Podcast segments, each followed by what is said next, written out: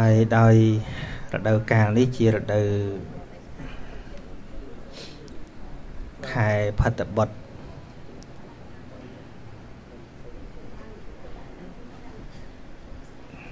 ប្រជាជនខ្មែរយើង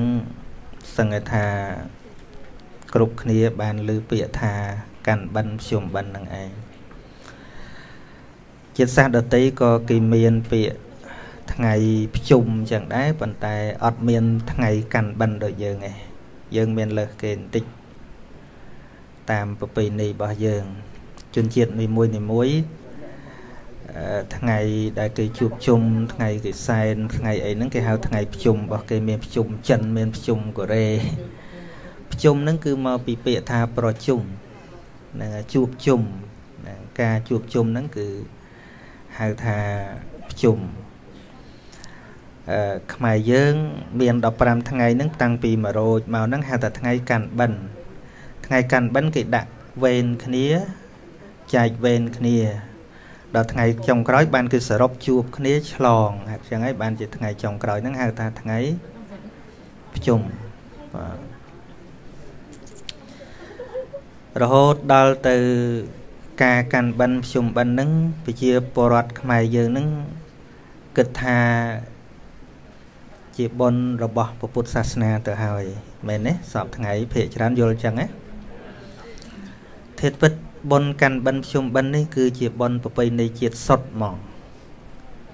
អត់មែនជាអឺការណែនាំពយល់បង្ហាញពី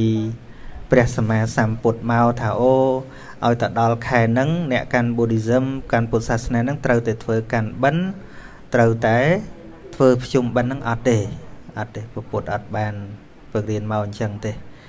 បើពុទ្ធព្រះអង្គថាបើចង់ប្រគេនលោកឆាន់ថ្ងៃណាប្រគេនថ្ងៃនោះទៅឃ្លានថ្ងៃណាឆាន់ថ្ងៃនោះទៅបើចាំតែភ្ជុំបិណ្ឌចាំឆាន់អាត្មា11ខែកន្លះទៀតនឹងអត់បាទចឹងមែនទេណាក៏ប៉ុន្តែជាតិសាសន៍នីមួយនីមួយតែងតែមានវប្បធម៌មានប្រពៃណីណាទំនៀមទម្លាប់ ដែលការដឹកនាំនៅក្នុងសហគមន៍ក្នុងសង្គមជនជាតិសាសន៍នីមួយនីមួយហ្នឹងវាត្រូវពាក់ព័ន្ធជាមួយនឹងច្បាប់ពាក់ព័ន្ធនឹងរដ្ឋពាក់ព័ន្ធនឹងជំនឿពាក់ព័ន្ធនឹងប្រពៃណីវប្បធម៌ការបង្កើតឡើងហ្នឹងសិតតែនៅក្នុងគោលបំណងការក្នុងការដឹកនាំមនុស្សហើយ នៅក្នុងពិភពលោកដែលគេកាន់ពុទ្ធសាសនាដូចគ្នានឹងអត់មានអ្នកណាកាន់ដូចយើងអញ្ចឹងទេរឿងកាន់បិណ្ឌហ្នឹងអត់មានទេមានតែខ្មែរយើងហ្នឹងដែលមានយូរជាងគេហ្នឹងដោយសារជាបនបង្កើនឡើងដោយព្រះរាជាខ្មែរយើងកាលសម័យសតវត្សទី10មុនប្របាទជ័យវរ្ម័នទី7ទៅទៀតនោះ ស្ដេចខ្មែរយើងនឹងមានពិធីសែនដូនតាខែផុតបុត្រនឹងដែរខ្មែរនិយាយឲ្យបងប្អូនយើងយល់បន្តិចថាកាន់បិណ្ឌហើយនឹងភ្ជុំបិណ្ឌនឹងគឺជាកម្មសិទ្ធិដាច់មុខរបស់ខ្មែរយើងត្មងហ្នឹងហើយដោយសារតាំងពីពរេប្រវត្តិមកនឹងឲ្យតែខែផុតបុត្រនឹង ស្ដេចតែងតែធ្វើពិធីសែនព្រេនដល់ដូនតាដល់បពការីជនអញ្ចឹងទៅហើយការធ្វើការនោះនៅក្នុងជំនឿព្រហ្មញ្ញសាសនាទេមិនមែនជាលក្ខណៈពុទ្ធសាសនាទេរហូតមកដល់សតវត្សទី12សម័យប្របាទជ័យវរ្ម័នទី7ហ្នឹងទៅស្ដេចយកសាសនា2យកមក ដាក់ជាសាសនាធំធំសម្រាប់ប្រទេសជាតិកាលនោះគឺព្រហ្មញ្ញមួយហើយនិងពុទ្ធសាសនាមហាយានអញ្ចឹងក៏មានការផ្ដល់មហូបអាហារនឹងដល់អ្នកបួសអីបដើបដើតាំងពីពេលនោះមកប៉ុន្តែមិនហៅថាបុណ្យជុំបិណ្ឌកាន់បិណ្ឌអីចឹងទេមានឈ្មោះហៅផ្សេងពិធីរំលឹកគុណពពកបរោះអីចឹងរហូតមកដល់សតវត្សទី16 សម័យប្របាទជ័យជាថាទី2ហ្នឹងបានបង្កើតអំពីទ្វាទុសមាសហ្នឹងអឺពិធីក្នុងខែផុតបុត្រហ្នឹងបានប្រែคลายម្ដងបន្តិចដាក់ឈ្មោះថាទ្វាទុសបិណ្ឌ ណាមិនតាន់មានលក្ខណៈដូចសពថ្ងៃនឹងទៀតហ្នឹងហើយរហូតដល់សតវត្សទី21ឯទី19ទី19ទី20ប្របាទអង្គឌួង ដែលជាព្រះរាជាមួយបានសិក្សាច្រើន ជាងគេបំផុតនៅក្នុង Buddhism ហ្នឹងនៅក្នុងពុទ្ធសាសនាហ្នឹងលោកចេះភាសាបាលីចេះបត្រៃបិដកហើយជាគ្រូបង្រៀនស្ដេចខ្មែរយើង ដែលខ្លាំង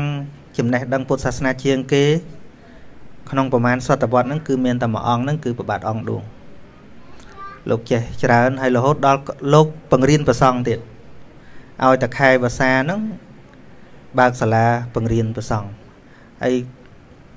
ព្រះអង្គជាអ្នកប្រែកម្ពីវិសុទ្ធមៈឲ្យប្រសង់មកបង្កើតសាលារៀនស្អីស្អីឲ្យលោកច្រើនកាលហ្នឹងដោយសារស្ដេចលោករៀនចេះដឹងច្រើនហើយនៅក្នុងភាសាហ្នឹងបង្រៀនផងលោកឧបត្ថម្ភជាងហាន់ប្រសងផងឃើញទេអញ្ចឹងយើងដឹងប្រវត្តិខ្លះខ្លះអញ្ចឹងទៅឈប់ចាញ់បោកចាស់ចាស់កុហកទៀតទៅចាស់ចាស់ថាក៏កុហកថាឲ្យតខែ ជុំហ្នឹងប្រែតមកហ្នឹងហើយអញ្ចឹងយើងគិតមើលចុងកាលមុនស្ដេចបកើតប៉ុនហ្នឹងប្រែតទៅណាណាហើយតាមពងសាវតាដែលសិក្សាមើលទៅ ការដែលព្រះអង្គបកើតនោះក៏អត់មានពិធីផ្ដេសផ្ដាស់ដូចយើងឥឡូវច្រើនទេពីព្រោះព្រះអង្គជាអ្នកសិក្សារៀនសូត្រជាបញ្ញវន្ត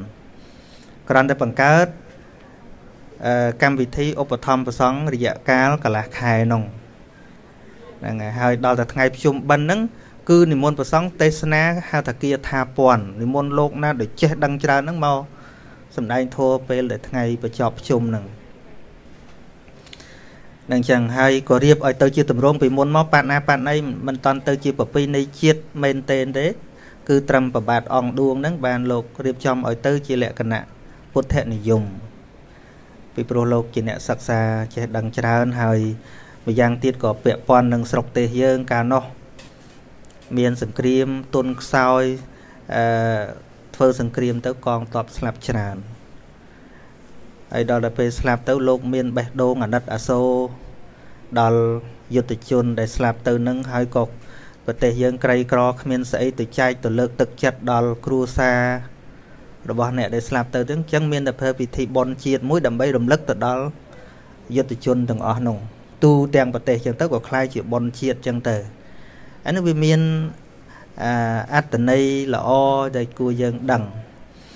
ប៉ុន្តែឥឡូវយើងវាលែងទៅរឿងហ្នឹងវាទៅជារឿងបើមិនទៅវត្តទេម៉ែឪជេរងាប់ឥឡូវម៉ែថាម៉ែឪយើងដូចមិនចិត្តអាក្រក់អីដល់ម្លឹងទេមែនទេ មែនទេ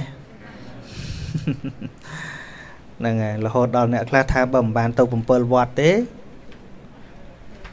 ហ្នឹងហើយឥឡូវយើងនៅនេះរួម7វត្តឯណាប៉ុន្តែជាប្រពៃណីជាវប្បធម៌យើងមិនចោលទេយើងត្រូវសិក្សាឲ្យដឹងថាតើវត្ថុបំណងដូចម្ដេចបានពពកបរោះយើងបង្កើតឡើងនឹងចឹងអញ្ចឹងយើងត្រូវដឹងថាអឺ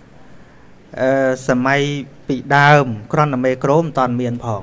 កុំថាឡើយដល់ទៅវិទ្យុទូរទស្សន៍ Facebook YouTube Google អីគ្មានទេ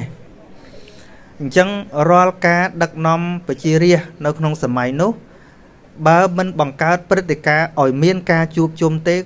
វាអត់មានឱកាសដើម្បីនិយាយបញ្យលមនុស្សអញ្ចឹងរាល់កម្មវិធីដែលពពកបរោះយើងបង្កើតឡើង សំខាន់គឺដើម្បីប្រមូលគៀងគោមនុស្សឲ្យមកជុំគ្នាដោយលើកយកប៉ុននេះប៉ុននោះជាប្រពៃណីហ្នឹងដើម្បីយកមនុស្សមកអប់រំយកមកពន្យល់ណាពួកអត់មានវិសុផងហ្នឹងបើអត់មានអានុងជាធ្នាក់តាកទាញចិត្តរបស់ប្រជាជនសម័យនោះដើម្បីមកជួបជុំគ្នាទៀតមិនដឹងនិយាយគ្នាយ៉ាងម៉េចពួកយើងវាអត់មានពេលជួបជុំមនុស្សរស់ស៊ីរៀងរៀងខ្លួនអញ្ចឹងវាត្រូវមានប្រពៃណីមានកម្មវិធីបន់មានអីហ្នឹង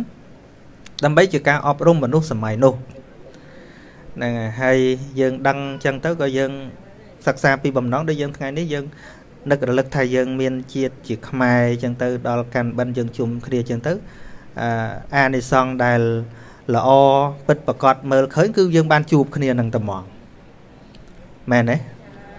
ហ្នឹងហើយអាជាតិក្រោយទៅណាណាអាត្មាមិនដឹងទេប៉ុន្តែឥឡូវហ្នឹងអានិសង្ឃដែលឃើញតនហនគឺបានជួបគ្នាបានរាប់អានគ្នា ក្នុងនាមជាជាតិសាសន៍មួយដែលមានភាសាដូចគ្នាហ្នឹងដោយមានអត្តសញ្ញាណថាខ្មែរដូចគ្នានោះមានវប្បធម៌មួយថាកាន់បិណ្ឌរបស់យើងហ្នឹងបានយើងមកហ្នឹងបើលើតែកាន់បិណ្ឌរបស់នរណាគេចាំតែមកតាមែនទេនៅវាមានអាមโนសញ្ចេតនាហ្នឹងអញ្ចឹងអានិសង្ឃហ្នឹងវាមានបច្ចុប្បន្នហ្នឹងបើយើងប្រើឲ្យត្រូវនឹងអាត្មា